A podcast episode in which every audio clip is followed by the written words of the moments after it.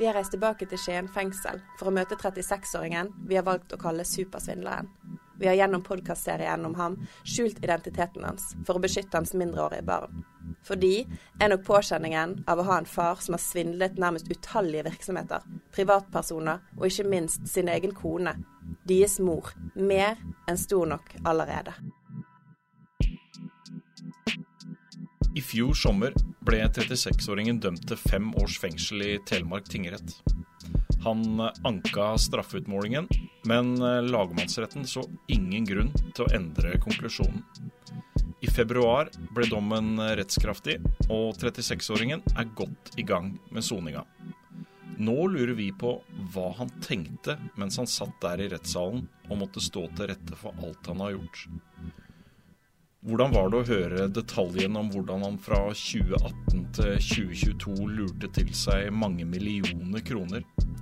Han startet utallige firmaer, skaffet seg leasingobjekter og bestilte varer og tjenester uten å gjøre opp for seg. Penger ble flytta rundt på kontor, lån tatt opp i navnet til sin intetanende kone, og mannen kjøpte bl.a. biler og bobil og satte opp en ulovlig garasje på eiendommen uten å betale for det.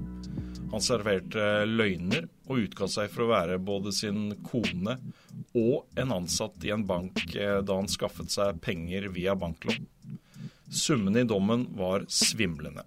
Han blir funnet skyldig i grov økonomisk utroskap i størrelsesorden på over 7,2 millioner kroner, og grove bedragerier for til sammen rundt 15,3 millioner kroner.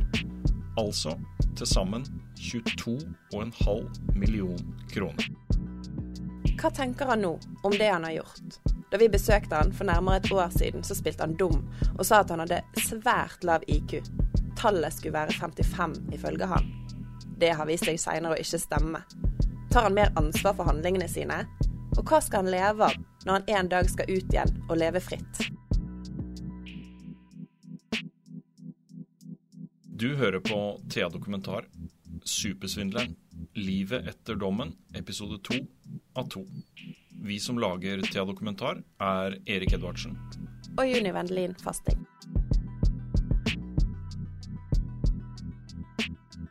Det første han vil snakke om, er hvor misfornøyd han er med de to rettspsykiaterne som fulgte rettssaken. Han har rett og slett lite til overs for arbeidet de har gjort og viser til at han først skal ha fått beskjed om at han var lettere psykisk utviklingshemmet, noe som seinere ble tilbakevist. Først var det der eh, rettspsykiateropplegget mm. som var eh, helt feil. Helt på villspor, egentlig. Ok, Hvordan da? Ja, så For med min så kunne de droppa hele, hele den biten der med rettspsykiateropplegget. Altså i rett, under rettssaken, mener du? Ja, eller før egentlig. Ja. Og jeg er en sånn person som uh, blir påvirka og tror på det som han sier. Og han advokaten min bygde jo opp rettssaken i henhold til de to første rettspsykiaterne som egentlig ikke gjorde jobben sin. Hva var det de sa? Nei, De sa fast i to, nei, tre rapporter at jeg var lettere psykisk utviklingshemma. Det satte de fast på. Og så kommer eh, rettskommisjonen og sier at de ønsker ytterligere flere tester. De ønsker også at de snakker med komparative kilder utenfor, altså min familie og ekskone og mor og venner og den biten der. Det gjorde de ikke. De snakka bare med mor. De snakka ikke med min ekskone, som hadde med meg å gjøre. De snakka ikke med kamerat av meg, som hadde mye med å gjøre. De tok ikke noen flere tester. Ingenting. Som rettskommisjonen sa de skulle gjøre. Så de holdt jo fast den eh, rapporten der helt fram til nest siste dag. Og så plutselig er de seg. Mm. Så eh, jeg skulle ønske at de tok til seg flere tester og alt det der eh, før rettssaken. Så at alt blir avklart med en gang. Mm. Hva tenkte du på en måte når du da, når du da snudde? Når det kom en annen konklusjon helt på slutten, som du sier? Nei, altså jeg trodde jo på det på alt dette som de har sagt og den biten der. At du har lettere psykisk utvikling? Ja, når de sier at jeg var det. Og henhold til For jeg var veldig langt nede da. Så jeg tenkte ikke klart heller. Og alt som har skjedd eh, før vitnet, jeg trodde jeg hadde. De sier to må jobbe med det i 15-20 år, sier at jeg har det. Ja, men da må jeg ha det, da. Og når de sier det, så da tror jeg på det. Så da sa jeg ikke det til alle.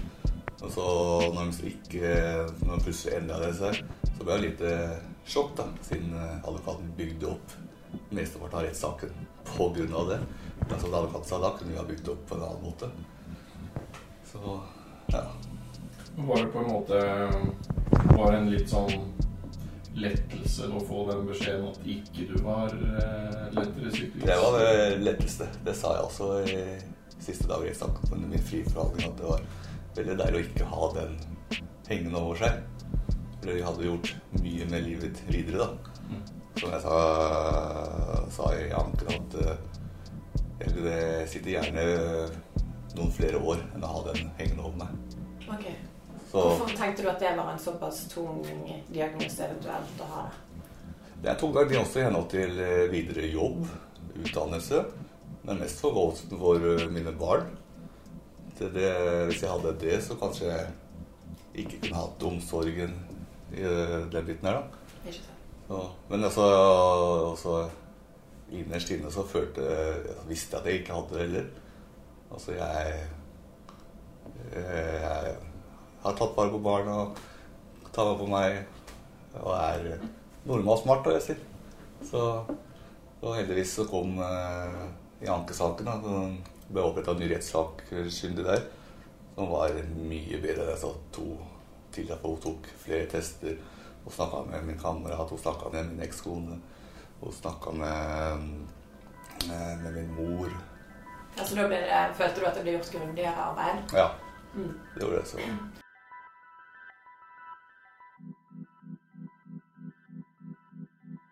De to rettspsykiaterne sa at de lot seg lure til å tro at 36-åringen hadde en IQ på 61.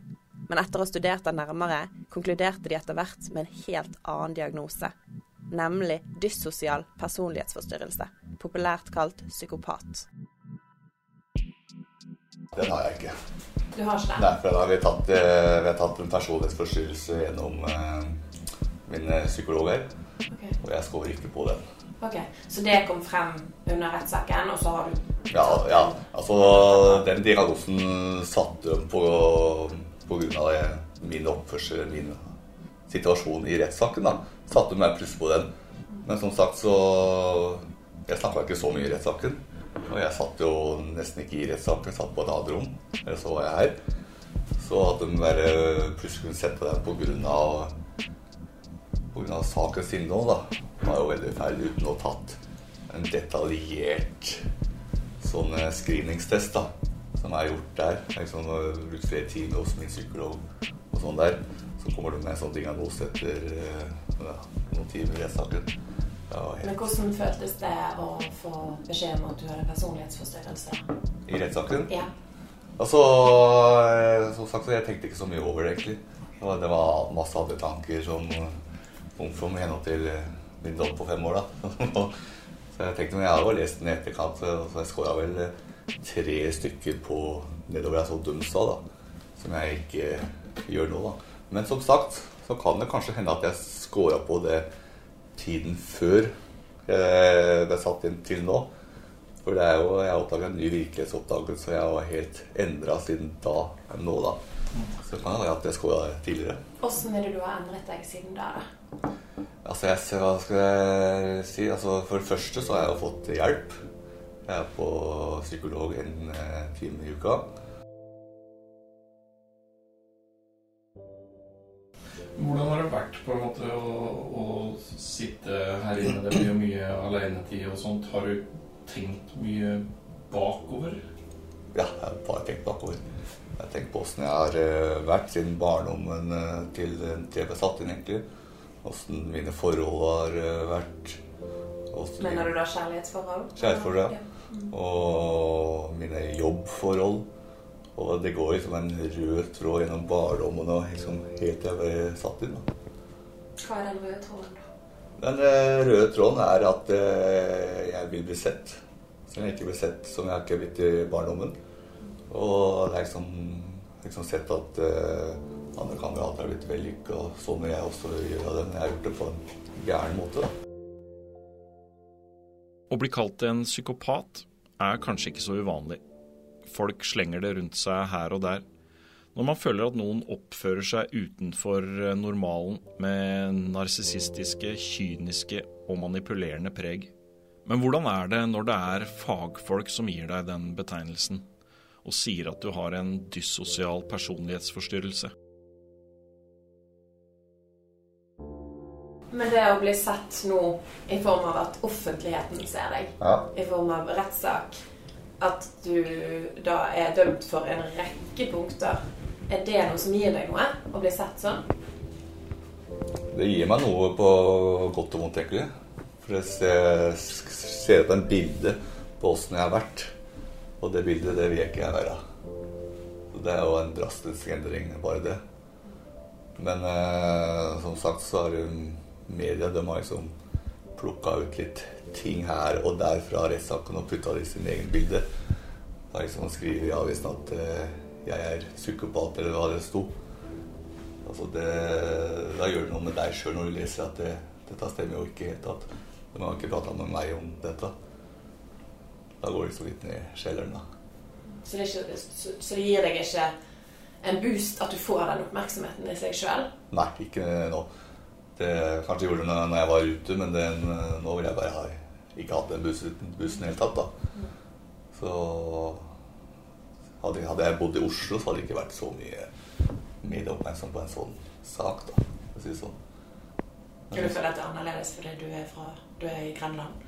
Ja, det er det er en liten by med to, to lokalaviser som skriver det som skjer i rettssaken. da, rett, rett på rettsprosedyren, da.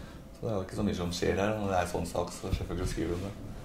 Så, men som sagt så er det også godt at de eh, skriver det, da. På en annen side. Så folk ser at dette er, eh, er ikke bra. At folk ikke skal drive med sånt her. Men vi lurer jo på hva gjør det med et menneske å bli straffet for så alvorlige tilfeller av svindel? Skjønner han sjøl hva han har gjort, og skjønner han hvor alvorlig det faktisk er? Eller lever han fortsatt i den virkeligheten han gjorde sist vi besøkte han, der han påsto at han aldri forsto at det han gjorde var galt? Altså, jeg forstår alt nå. Men på den, eh, til, før jeg satt inn, så forsto jeg svært lite, egentlig. Da var det bare meg og jeg som måtte ordne det. Det var mine firmaer. Å liksom kjøpe ting til firmaet og ikke betale for det. det. I mitt hode da trodde ikke det var eh, galt, for jeg fikk jo det, den eh, tingen. Og da var det jo firmaet sitt, sin ting. Da kunne jeg, liksom gjøre hva jeg ville med selge det eller den biten der. Så det, det er jo fullstendig galt. da. Hvordan, hva som har gjort at du skjønner det nå, da? Det er gjennom eh, terapi, behandlingen, som har eh, gjort at jeg har liksom, skjønt virkeligheten. da. Og så er det jo mye egentid. Mye grubling og lesing og selvbehandling og den biten der, da. Som også har gjort eh, det, da. Når du var ute, var du i på en måte en tilstand av fornektelse, liksom? Det var fornektelse, og at det jeg gjorde, var bra. Og så var det en del pga. mine Men det hadde diagnosen, altså tvangstanker og tvangslidelse. At jeg måtte, liksom, jeg måtte prøve å ha et vellykka firma. Og gikk ikke det firmaet bra, så måtte jeg opprette et nytt firma og, og prøve å få det til. da. Så liksom var det liksom en eh, selvnekt- selvnektelse at, det var- at det ikke var bra å gjøre det. da. Sier du nå at du har en tvangslidelse? Ja, er tvangstanker, ja. Det er jeg. Som jeg, som jeg går til behandling for, da. Som er på et minimalt nivå nå, da. Så Fem års fengsel høres kanskje ikke så mye ut når man tenker på hvor mange han har lurt. Men det er faktisk en streng straff. Det syntes åpenbart 36-åringen òg, ettersom han anket straffeutmålingen. Riktignok uten at det førte frem. Lagmannsretten landet på samme straff. I tillegg til fengselsstraffen så må han betale om lag 8,7 millioner kroner i erstatning til banker, finansinstitusjoner og selskaper han har lurt trill rundt.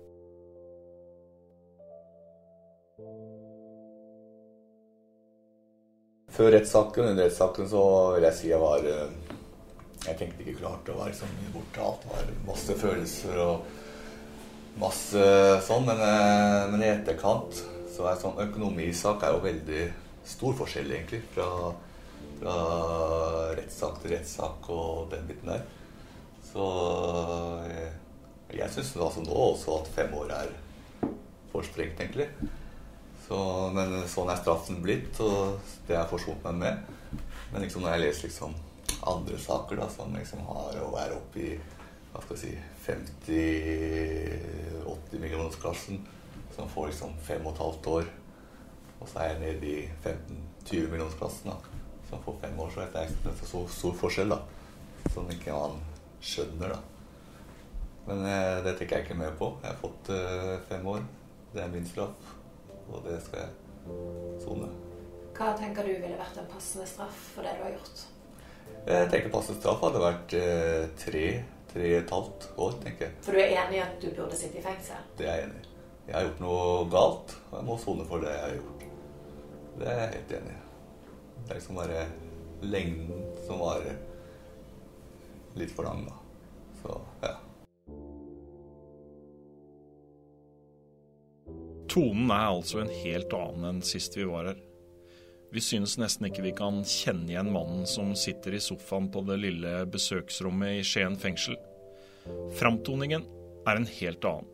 Han er på mange måter som en helt annen fyr.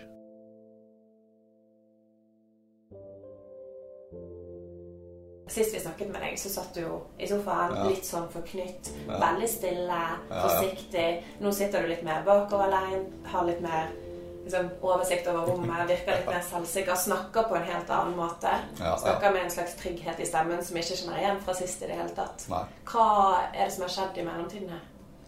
Ja, det som har skjedd i mellomtiden, er at jeg har at jeg, Det første ting er at jeg åpna meg opp. At den muren er borte pga. alle traumene i barndommen den biten der. Og for det andre så ser jeg lyst på fremtiden. I henhold til eh, utdanning, jobb og hele mitt følelsesliv, da. Og bare, si, bare ta kjærlighet, da. Som jeg har jobba veldig mye med de to siste ukene på retreat, og før òg. Altså, jeg, jeg fikk ikke noe kjærlighet i oppveksten i barndommen, den biten der. Og det er liksom jeg har tatt med meg videre i mine forhold, da. Og så er ikke Hva er liksom kjærlighet? Hva er Åssen skal jeg gi kjærlighet til, til min uh, kjæreste? Hva trenger hun? Hva trenger jeg? Hva trenger barn? Alt, uh, alt sånn, da. Og det vet jeg nå. Det har jeg lært, da. Så Pluss at jeg kunne aldri sitte sånn før og prate med mennesker. Altså jeg prate med én og én eller foran forsamling, da. Så jeg er helt eh, Hva kan jeg si? Totalt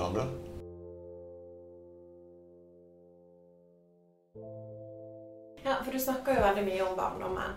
Er det sånn at du skylder du på barndommen for det du har gjort? Mm. Tenker du at det er oppveksten din sin feil at du har gjort det du har gjort? Eh, oppveksten har gjort at jeg er blitt den som jeg var, ja. Det er det. Så det er jo Det er jo mer, mer barndommen nå som, som, som har skjedd, da. Så altså, jeg ble jo seksuelt misbrukt da jeg var åtte år. Som, eh, som har lagt Som la la opp den muren foran meg, da.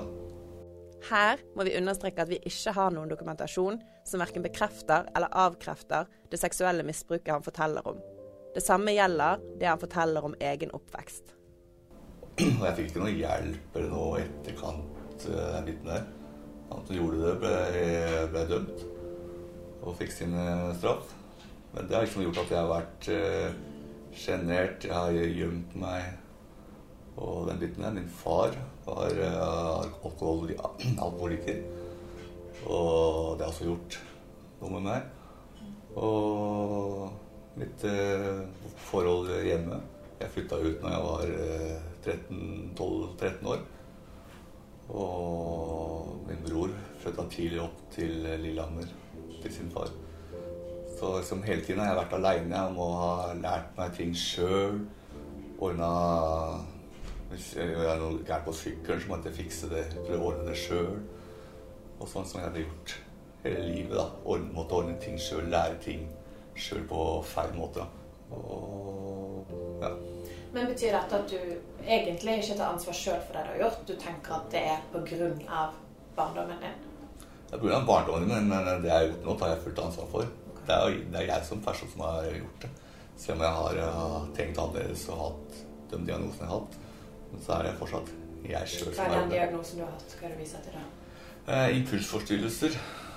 Det er en diagnose som jeg har hatt, da. Som har um, Ifølge psykologen her i fengselet, eller? Ifølge uh, psykologen som jeg hadde i Drammen tidligere, okay. og rettspsykiateren, som også satte den diagnosen i henne til papiret fra den uh, psykologen. da. Var det forrige gang du ble dømt du snakker om nå? Eller? I Drammen? Nei, når jeg, når jeg, jeg satt i fengsel i Drammen eh, først, for det var fullt her. Oh, ja, okay. sånn. Og da gikk jeg til en psykolog i eh, ja, Drammen. Ifølge Store norske leksikon er eh, impulsforstyrrelse en atferdsforstyrrelse kjennetegnet ved gjentatte handlinger som mangler fornuftig motivering, som ikke kan kontrolleres, og som generelt skader både pasientens og andres interesser. Vi understreker at vi ikke har sett dokumentasjon som verken avkrefter eller bekrefter at 36-åringen har fått denne diagnosen. For det var grunnen at jeg uh, tok med meg varer hjem som ikke var betalt, hadde i garasjen. altså at jeg følte meg vellykka. Jeg hadde mye verktøy i garasjen og mye bra utstyr. for å si Det sånn. Det er, det er som nesten som man sier, det er nesten som spillegalskap. Eller også kan man nesten, det er nesten som å og ta dop der jeg ble rusa. At jeg følte meg veldig bra da å ha dette alt det utstyret og fancy greiene litt der, da. Thea fulgte rettssaken da den gikk i Telemark tingrett. Da la vi merke til at 36-åringens nærmeste familie var til stede. Er det et godt forhold der nå, liksom? Eller åssen er egentlig det? For det, det, er jo rart å tenke på at de var hvis det er såpass dårlig som du fremstiller det som. Ja, altså det var dårlig, men når jeg fikk eh, barn, så var det litt bedre. Sånn, men jeg prater jo aldri med sånn, følelsesmessig med familien. Men hvordan var det for deg at de var der, da? Ja, Veldig godt. Altså Han som eh, støtter deg og, er deg og den biten der. Og de har besøkt meg i fengsel og vært der, da. Og liksom, jeg har liksom prata med dem, og jeg, jeg, og mamma har fått uh, et bra forhold. Og hun har liksom bedt om unnskyldning for barndommen og liksom tatt et oppgjør der og den biten der. Og så vi har uh, altså Hun har aldri sagt 'jeg elsker deg' eller er glad i deg'. Noe som helst. Det sa hun første gang i Drammen. At jeg, hun var glad i meg. Så det er men sånn, eh, det er jo mange barn som ikke opplever at foreldrene sier at de elsker deg, uten at de, at de blir svindlere av den grunn. Hva tenker du om det? Ja, det er jo Det ha mange, mange ting da, i barndommen. Det er jo ikke bare mangel på kjærlighet, som jeg har sagt tidligere. Men eh, når jeg snakker ikke for han, jeg snakker for meg sjøl, da. Så mine problemer og det som var foran meg, da. Så altså Det er jo en stor, mange undersøkelser som har gjort at uh, kjærlighet til uh, barna og kos og alt sånn fra uh, spedbarn oppover, de er bedre til å lykkes enn andre barn som ikke har fått noe kjærlighet oppover barndommen. Det er gjort masse undersøkelser på det, så det er stort spekter der. Hvordan har det vært å snakke med mammaen din om barndom og oppvekst og alt sånt? Det har vært tøft. Og min mor var jo, og vitne for meg i ankesaken, som fortalte om, litt om uh, barndommen og, og, det. da. Så det var tøft å høre på, på den biten. Så, men det er greit nå å ta et oppgjør med alt sammen. Og få tilgivelse og, og gå videre. Det er veldig viktig. Som nevnt flere ganger svindlet ikke 36-åringen bare ukjente. Han brukte den som skulle være hans aller nærmeste, hun som elsket ham, og som han hadde lovet å stå ved resten av livet. Han misbrukte konas identitet og bank-ID til å lure til seg flere millioner kroner, uten at hun skal ha visst noe om det. Han skal også ha løyet til henne om at han hadde en sjefsstilling i Europris, mens han egentlig var svindler på heltid. Du hadde jo en kone på tidspunktet når disse handlingene ble utført. Du hørte du sa i sted ekskone. Sist vi snakket med deg, så var dere vel separert. Hvordan er ståa der nå? Nei, vi er fortsatt eh, separert. Formell uh, skilsmisse er vel 6. april, tenker jeg. Nærmer seg, da. Ja. Hva tenker du om det, da? Altså, det er eh, Det er eh, Selvfølgelig er det trist. Og jeg kan tenke, gå tilbake og tenke liksom åssen jeg har vært og den biten er kontra nå, da. Åssen jeg er nå og den biten her. Men det var jo veldig dårlig. Det var ikke noen kommunikasjon i det hele tatt. Altså, jeg prata ikke. Jeg var eh, lukket. Det var Det var jo ikke veldig lite kjærlighet, da, for å si det sånn. Så så det er jo trist, men jeg har innforstått meg med det. Og jeg unner ekskona alt, alt godt. Og at vi kommer til å samarbeide bra med barna og, og den biten der. Ser du barna nå? Kommer de hit? Jeg skal ut på fremstilling eh, neste, er 12. april og se ungene da. På fremstilling? Hva er det for noe? Fremstillingen da ledsages du av eh, to sivile fengselsbetjenter. Så da kan du komme ut og Ungene og den biten der da. Er det første gang, eller? Det er første gang, ja. Hvor lenge siden er det du har sett dem nå, da? Det, jeg, ser, jeg ser jo dem hver uke på video, da. Mm. Så, men eh, fysisk så er det ett år siden jeg har sett dem. da. Hvordan er det å kjenne på det? Det er veldig tøft. Det er det tøffeste man har. Så, men jeg skjønner også, også barnemor som ikke vil ha noe med fengsel og syns det er tøft å komme hit og, og den biten der. Så jeg har liksom ikke gjort noe mer, for jeg har tenkt på mors velbø. Så derfor liksom har jeg venta da til, eh, til nærmer seg en tredjedel og permisjoner under og overføring til lavere sikkerhet den biten der. Så, men selvfølgelig er det jo veldig tøft å ikke se ungene sine. Hvordan, hvordan tror du det blir å treffe dem? Altså, jeg gru, gruer meg.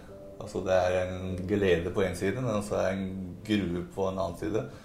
Og så er det sånn vondt eh, i midten, da. For eh, altså, de sier 'pappa', og jeg er glad når de sier på, på video og sånn, men det er, det er liksom, det er småunger, da. Det er sånn det er snakker i fem-ti minutter, så skal de leke, og den biten er så er ferdig.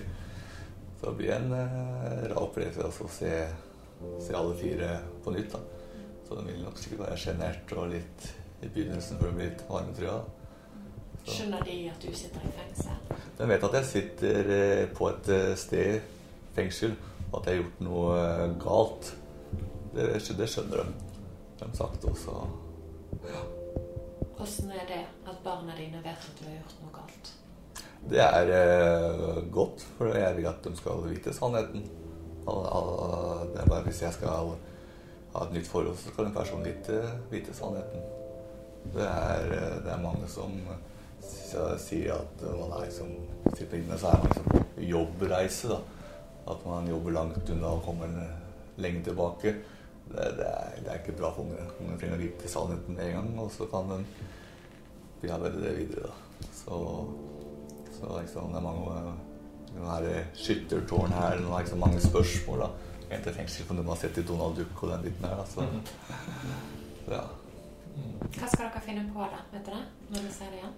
Ja, jeg skal treffe dem eh, hjemme hos, hos barnemor. da. Så det blir hjemme der, da. Så de kommer sikkert til å vise meg rommet sitt og leker og den biten der, så det blir veldig koselig. Men hun ekskonen din, har hun besøkt deg i fengselet? Nei. Nei, Så det er et år siden du har sett henne også, da? Ja, vi har sett hverandre på familievernmøtene. da. Ja, ok.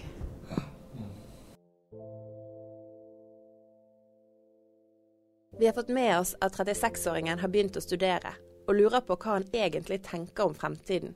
Han er fradømt retten til å drive firmaer, og har ikke engang lov til å ha noe som helst med firmadrift i Norge å gjøre. Så hva skal han livnære seg av? Og tror han at han kommer til å holde seg innenfor loven? Jeg har søkt meg til eh, lavere sikkerhet, for eh, jeg står her snart en tredjedel. Som betyr eh, permisjon og lavere sikkerhet og videre stek i rehabiliteringen av soningsforløpet. Hvor er det du ønsker deg å sitte da? da? Eh, Da blir enten eh, Bastø eller Berg, da. Det er de som er to nærmest mine barn. da. Så, så er jeg på utdanningsløp. To utdanningsløp. To? Ja. Ok, fortell. Altså jeg er utdannet til tømrer, som jeg har gått på vei. Jeg driver også med utdanning som helsefagarbeider. To veldig forskjellige ting. Ja, Hva er greien her? jeg, er barne, jeg elsker jo barn. Og liker jobbe barn. Så jeg prøver å være barne- og ungdomsarbeider òg. Så Men det er liksom Tømrer var det jeg begynte med i fengsel, for da visste jeg ikke så veldig mye. Og det var veldig bra tømmerlinje og den biten der. Og i altså kriminalomsorgen, det kan jeg nesten si i henhold til den Harry Potter-filmen, at på, du får hjelp hvis du trenger det på gal, galfort, men du må spørre om det. Kriminalomsorgen er akkurat samme. Mulighetene ligger til rette for det, men du må finne det sjøl og spørre det sjøl. Altså, jeg syns kriminalomsorgen får altfor mye pes. Jeg har sett på tilbudene og den biten der. Men kriminalomsorgen har jo veldig masse tilbud som er veldig bra. Du må bare vite sjøl. Altså, skoleavdelingen her er helt fantastisk. Så bra. Så alt, alt, alt ligger til rette. Men tar du begge deler samtidig nå, eller har du sluttet på begynte Nei, jeg tar eh, begge. altså Tømmerutdanningen tar jeg side av fengselet. Og, og helsefaget tar jeg på eh, D-studiet, da. Så det blir eh, Da er jeg bøkene og leser og skal ta eksamen der. Altså. Men du klarer to utdanningsløp samtidig, altså? Ja, altså tømrer på dagtid og helsefag på kveldstid. Ikke verst. Nei, alle mulighetene her er det. jo det er så mange som bare ligger i senga og ser på TV og ikke gjør noe. Og her kan du gjøre alt du vil. Men hvorfor fortsetter du på tømring hvis det er det andre du vil? Eller vil du ha mu, eller hvordan, hva er det du ser for deg å gjøre når du kommer ut? Eh, Når jeg kommer ut, så er det jo barne- som jeg satser på. Men her har jeg mulighet til å ta Jeg liker å tømre. Jeg elsker å snekre og bygge noe av den biten der. Og det er en erfaring eh, som jeg vil ta meg videre. Og ha det. Så nå har jeg mulighet til å ta begge to. Hvorfor ikke? Som jeg brenner for. Så da gjør jeg det. Men er tømring mer for at du vil gjøre det på privaten, og så blir det barne- og ungdomsarbeider som jobb du tenker, liksom? Ja, ja, det er akkurat det. Okay. Ja. På hvilken måte vil du jobbe med barn, da? Hva er det du ser for deg å kunne gjøre? Altså hele mitt jeg si, si tidlig, tidligere liv, da, så har liksom bare jeg fokusert på meg og at min familie skal ha det bra og, og den biten. Men nå så har jeg svært lite hjelp til andre. da. Nå har jeg fått en helt annen perspektiv på det. Nå vil jeg hjelpe andre øh, folk og fått en giv på det. Så, øh, så jeg vil kanskje jobbe med kanskje med barn som har problemer i livet sitt. og den biten der. Kanskje ta mer utdannelse til å jobbe i barnevern og den biten der. da. Så ja. Hvordan kan du bruke dine erfaringer med det du har gjort, da, inn i den jobben, tenker du? Det, det det kommer gjennom barndommen som jeg har hatt. da. Alle de traumene jeg har hatt, og alt det jeg har opplevd, da, kan jeg ta det videre til andre som, som har opplevd noenlunde det samme som meg, som sliter, og som jeg kan legge til på rette stier og, og den biten der. da.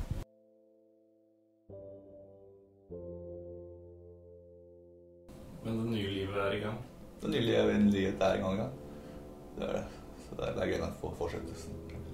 Det er deilig å bli ferdig med det livet, egentlig. Og så få den nye virkeligheten og, og muren som er borte. Altså, jeg sa jo også det retten at eh, jeg vil også gjerne bli dømmes for å aldri mer drive med næring. Ja, for det er jo en del av det. Mhm. Hva tenker du om det? Ja, Jeg ba om det først, før aktor sa det.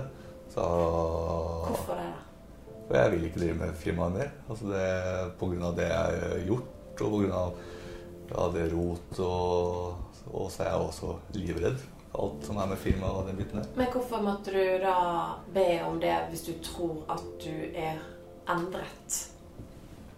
Altså, under rettssaken så tenkte jeg ikke klar. Det, altså, Da tenkte du at når du kom ut igjen, så kan du falle for fristelsen? Falle for fristelsen og, okay. og den biten der. Pluss at eh, altså, jeg, jeg har aldri hva skal jeg si, viss følelse før, før jeg kom inn. Altså, den har vært stengt. Og samvittigheten min har også vært si, litt stengt, egentlig. Men eh, hele veien så har den blitt åpna, og samvittigheten blitt åpna. den biten der. Og så har jeg tenkt at nei, jeg skal aldri mer ha firma. For aller fleste tiltalepunktene er jo om og innen firma. Så da var jeg jo Ja, den er ganske tydelig i men at du kan ikke drive, du kan ikke starte, du Ja. kan ikke være daglig leder, du kan ikke ha befatning med det i det hele tatt. Ja. Så det jeg ba om, og det sa også, at det, det ba dem også om, da er jeg enig. Det var noe jeg ikke tok opp på, på i anken i det hele tatt, så, så det er også godt, egentlig. Lettelse? Lettelse òg. Det er det. Så Men er det litt som å en alkoholiker ikke må ha alkohol i huset, fordi da kan du falle for fristelsen? Er det litt som at hvis du hadde hatt jeg, tilgang på et firma i huset, i hermetegn, så kan du falle for fristelsen? Altså Er det litt sånn, er det en sånn avhengighet du tenker at det er? Ikke nå. Men eh, kanskje under rettssaken så kunne, kan, kunne det ha vært, da, hvis ikke jeg hatt, er der jeg nå, er der nå som jeg er nå. Men hvis du ikke tenker at det er det nå, er det fortsatt en lettelse at du ikke kan? Eller er det bare liksom Det er ikke så nøye nå? Nå er det ikke så nøye. Ok. Om, jeg hadde, om ikke det hadde vært på dommen, så hadde jeg ikke, det hadde ikke vært så nøye. For du ville ikke gjort det uansett? Jeg ville ikke gjort det uansett. Ok. Altså, det er bare firmaet som jeg driver med nesten hele livet mitt. Og det er et pes og et ork og et uh, uten like, egentlig. Nå er vil jeg bare ha en uh, jobb og bygge meg videre med jobben og få en karriere og, og den biten der.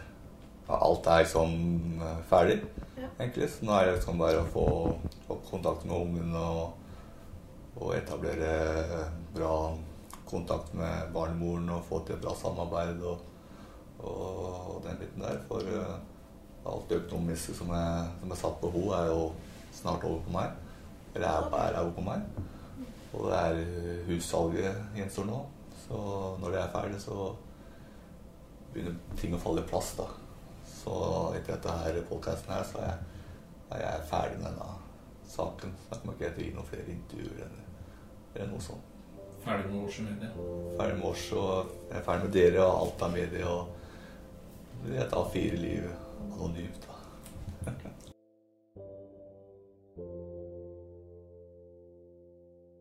Så jeg gleder meg til å komme ut og begynne å teste ting tinga. Den biten her, da. Mm. Er du litt utålmodig til å faktisk komme ut og liksom ja. bevise det? Jeg er det. Ja. Så jeg, jeg har en tredjedel i oktober. Så da kan han begynne å skal gå perm og ja. mm. Så den biten her, da. Gleder du deg? Så det blir deilig. Så den blir veldig rart òg. For jeg, jeg satt i varetekt når jeg skulle i avhør. Og komme fra det livet til det, det, det livet nå. Det blir rart, men det blir også veldig godt. da. Ja. Mm. Men det er også en frykt der òg. Ok, åssen det? Ja, altså frykt der, så Den første frykten nå er å møte ungene og, og den biten der. Og andre frykten er liksom å starte alt på nytt igjen. Altså Jeg har vært uh, sammen med noen i tolv år. Og liksom starte liksom på aleine igjen. da. Mm. Og den biten her, det er også en frykt. Mm. Men det er også en god frykt, da, tenker jeg. Men kan vi tro på det han sier nå? Han har jo levd et liv basert på løgn. Han løy forrige gang vi besøkte han. Kommer han til å fortsette et liv basert på svindel? Vi tar alt han sier med en klype salt. Det er vi nødt til. Du har jo helt tydeligvis planer for uh, framtida, og du sier du har fått snakka ut med familien om det som har vært før og sånt, men ligger det allikevel noe hos deg som gjør at du er redd for at du skal ramle tilbake til det du har gjort tidligere? Nei. Det, det gjorde gjorde det første halvåret. Men nå gjør det ikke det. Nå er jeg kommet så over det. Og det er også en annen ting at eh, straff endrer deg. Og det er også det er som kriminalomsorgen sitt uh, budskap ut. Og det har også gjort det. Altså at det nå snart eh, 14 måneder inne uten å sett uh, Uten å nesten ha sett barna og, og den biten som fengsel medfører. Det har også endra meg drastisk. Og, men eh, det jeg har gjort, det var av at jeg ville at min familie skulle ha det beste, egentlig. For alle de bedrageriene gjorde jeg jo for, um, for jeg vil gjøre det beste At familien skal ha det bra, da. Og så var det av diagnosen, da. Som jeg hadde. Impulsforstyrrelse og, og den biten der. Så må jeg ta huset. da. Altså jeg vil at eh, familien skal ha bra hus. Og en til eh, bilene. Vi at familien skulle ha, ha bra biler. Og alle tinga. Familien skulle ha bra ting. Så det er liksom, det er liksom Altså jeg gjorde det ikke for meg sjøl. Jeg tok, tok ikke penga sjøl og stakk til utlandet eller og dyre klokker og luksus. Det var liksom for å finansiere vanlig forbruk. Hjemme vanlig mat og alt sånt. Så, men jeg gjorde det på gæren måte, da.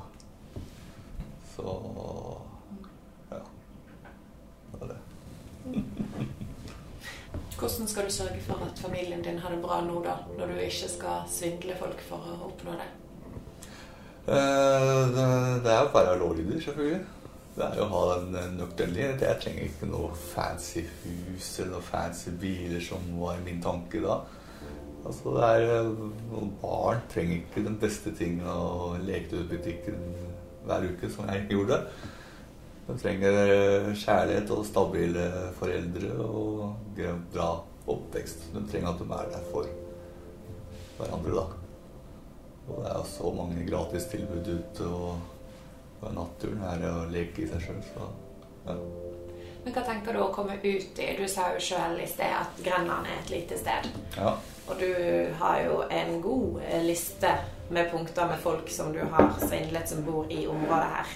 Mm. Hvordan blir det å kunne møte de på butikken, på skoleplassen, hvor som helst? Tenker du noe på det? Jeg tenker litt på det, jeg, står for det, jeg må stå for det jeg har gjort. Og jeg har også tenkt at uh, kanskje jeg skal ta en runde rundt til de firmaene som jeg har bedratt, da, og si unnskyld og den biten der, og ta et oppgjør der òg. Jeg er kommet så langt der. Men jeg er noe, jeg er ikke noe redd for å møte folk ute. Jeg tenker også at det er altså så lang tid òg, liksom. Så, Men tør du det? Å troppe opp eh, hos f.eks. dette firmaet som driver med campingvogner? Tror du å gå inn der og si unnskyld? Ja, det tør jeg. Mm. Eller er dette noe du sier nå for at det skal høres ut som at du er en bedre versjon? Hvordan da? Nei, altså Er det sant? Vil du faktisk liksom kunne klare å gjennomføre det? Ja, det vil jeg tro. Ja, ja. Jeg har eh, skrevet det ned i min eh, min eh, hva kan jeg si og eh, soningsplan da, bortover. At det står en punkt der og det om tilgivelse, tilgivelse, få tilgi- tilgivelse for dem jeg har eh, bedratt. da. Vi må spørre rett ut. Tror han på det han sier selv? Du har jo eh, Det må jo kunne gå an å si at du har jo levd et liv basert på å lyge. Hva er det som gjør at Eller hvorfor skal vi tro på deg nå?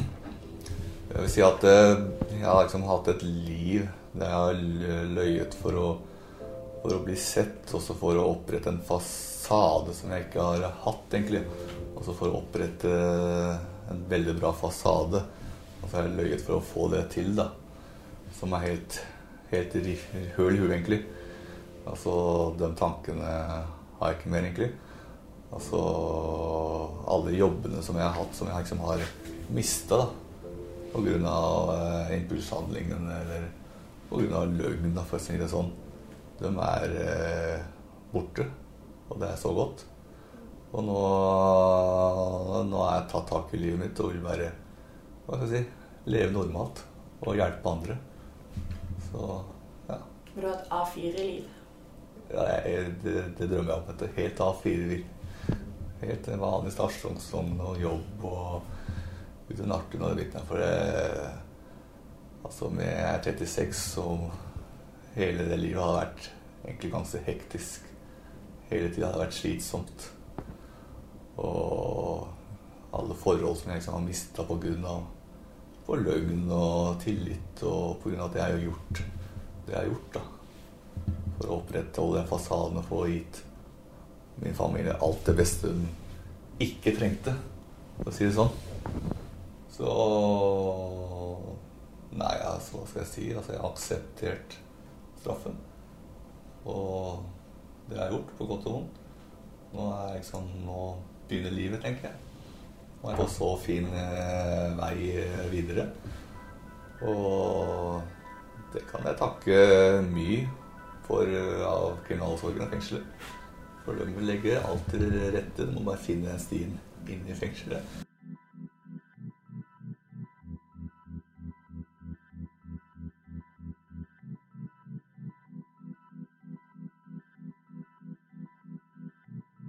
Du har hørt eh, Thea-dokumentar 'Supersvindleren livet etter dommen', episode to av to. Vi som lager Thea-dokumentar, er Erik Edvardsen. Og Juni Vennelin Fasting. Musikken er laget av Simon Tekeste. Ansvarlig redaktør er Ove Meldingen.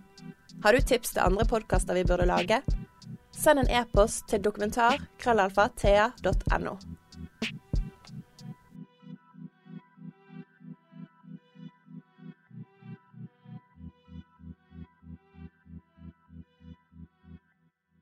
Har du et enkeltpersonforetak eller en liten bedrift? Da er du sikkert lei av å høre meg snakke om hvor enkelt det er med kvitteringer og bilag i fiken, så vi eh, gir oss her, vi. Fordi vi liker enkelt. Fiken superenkelt regnskap.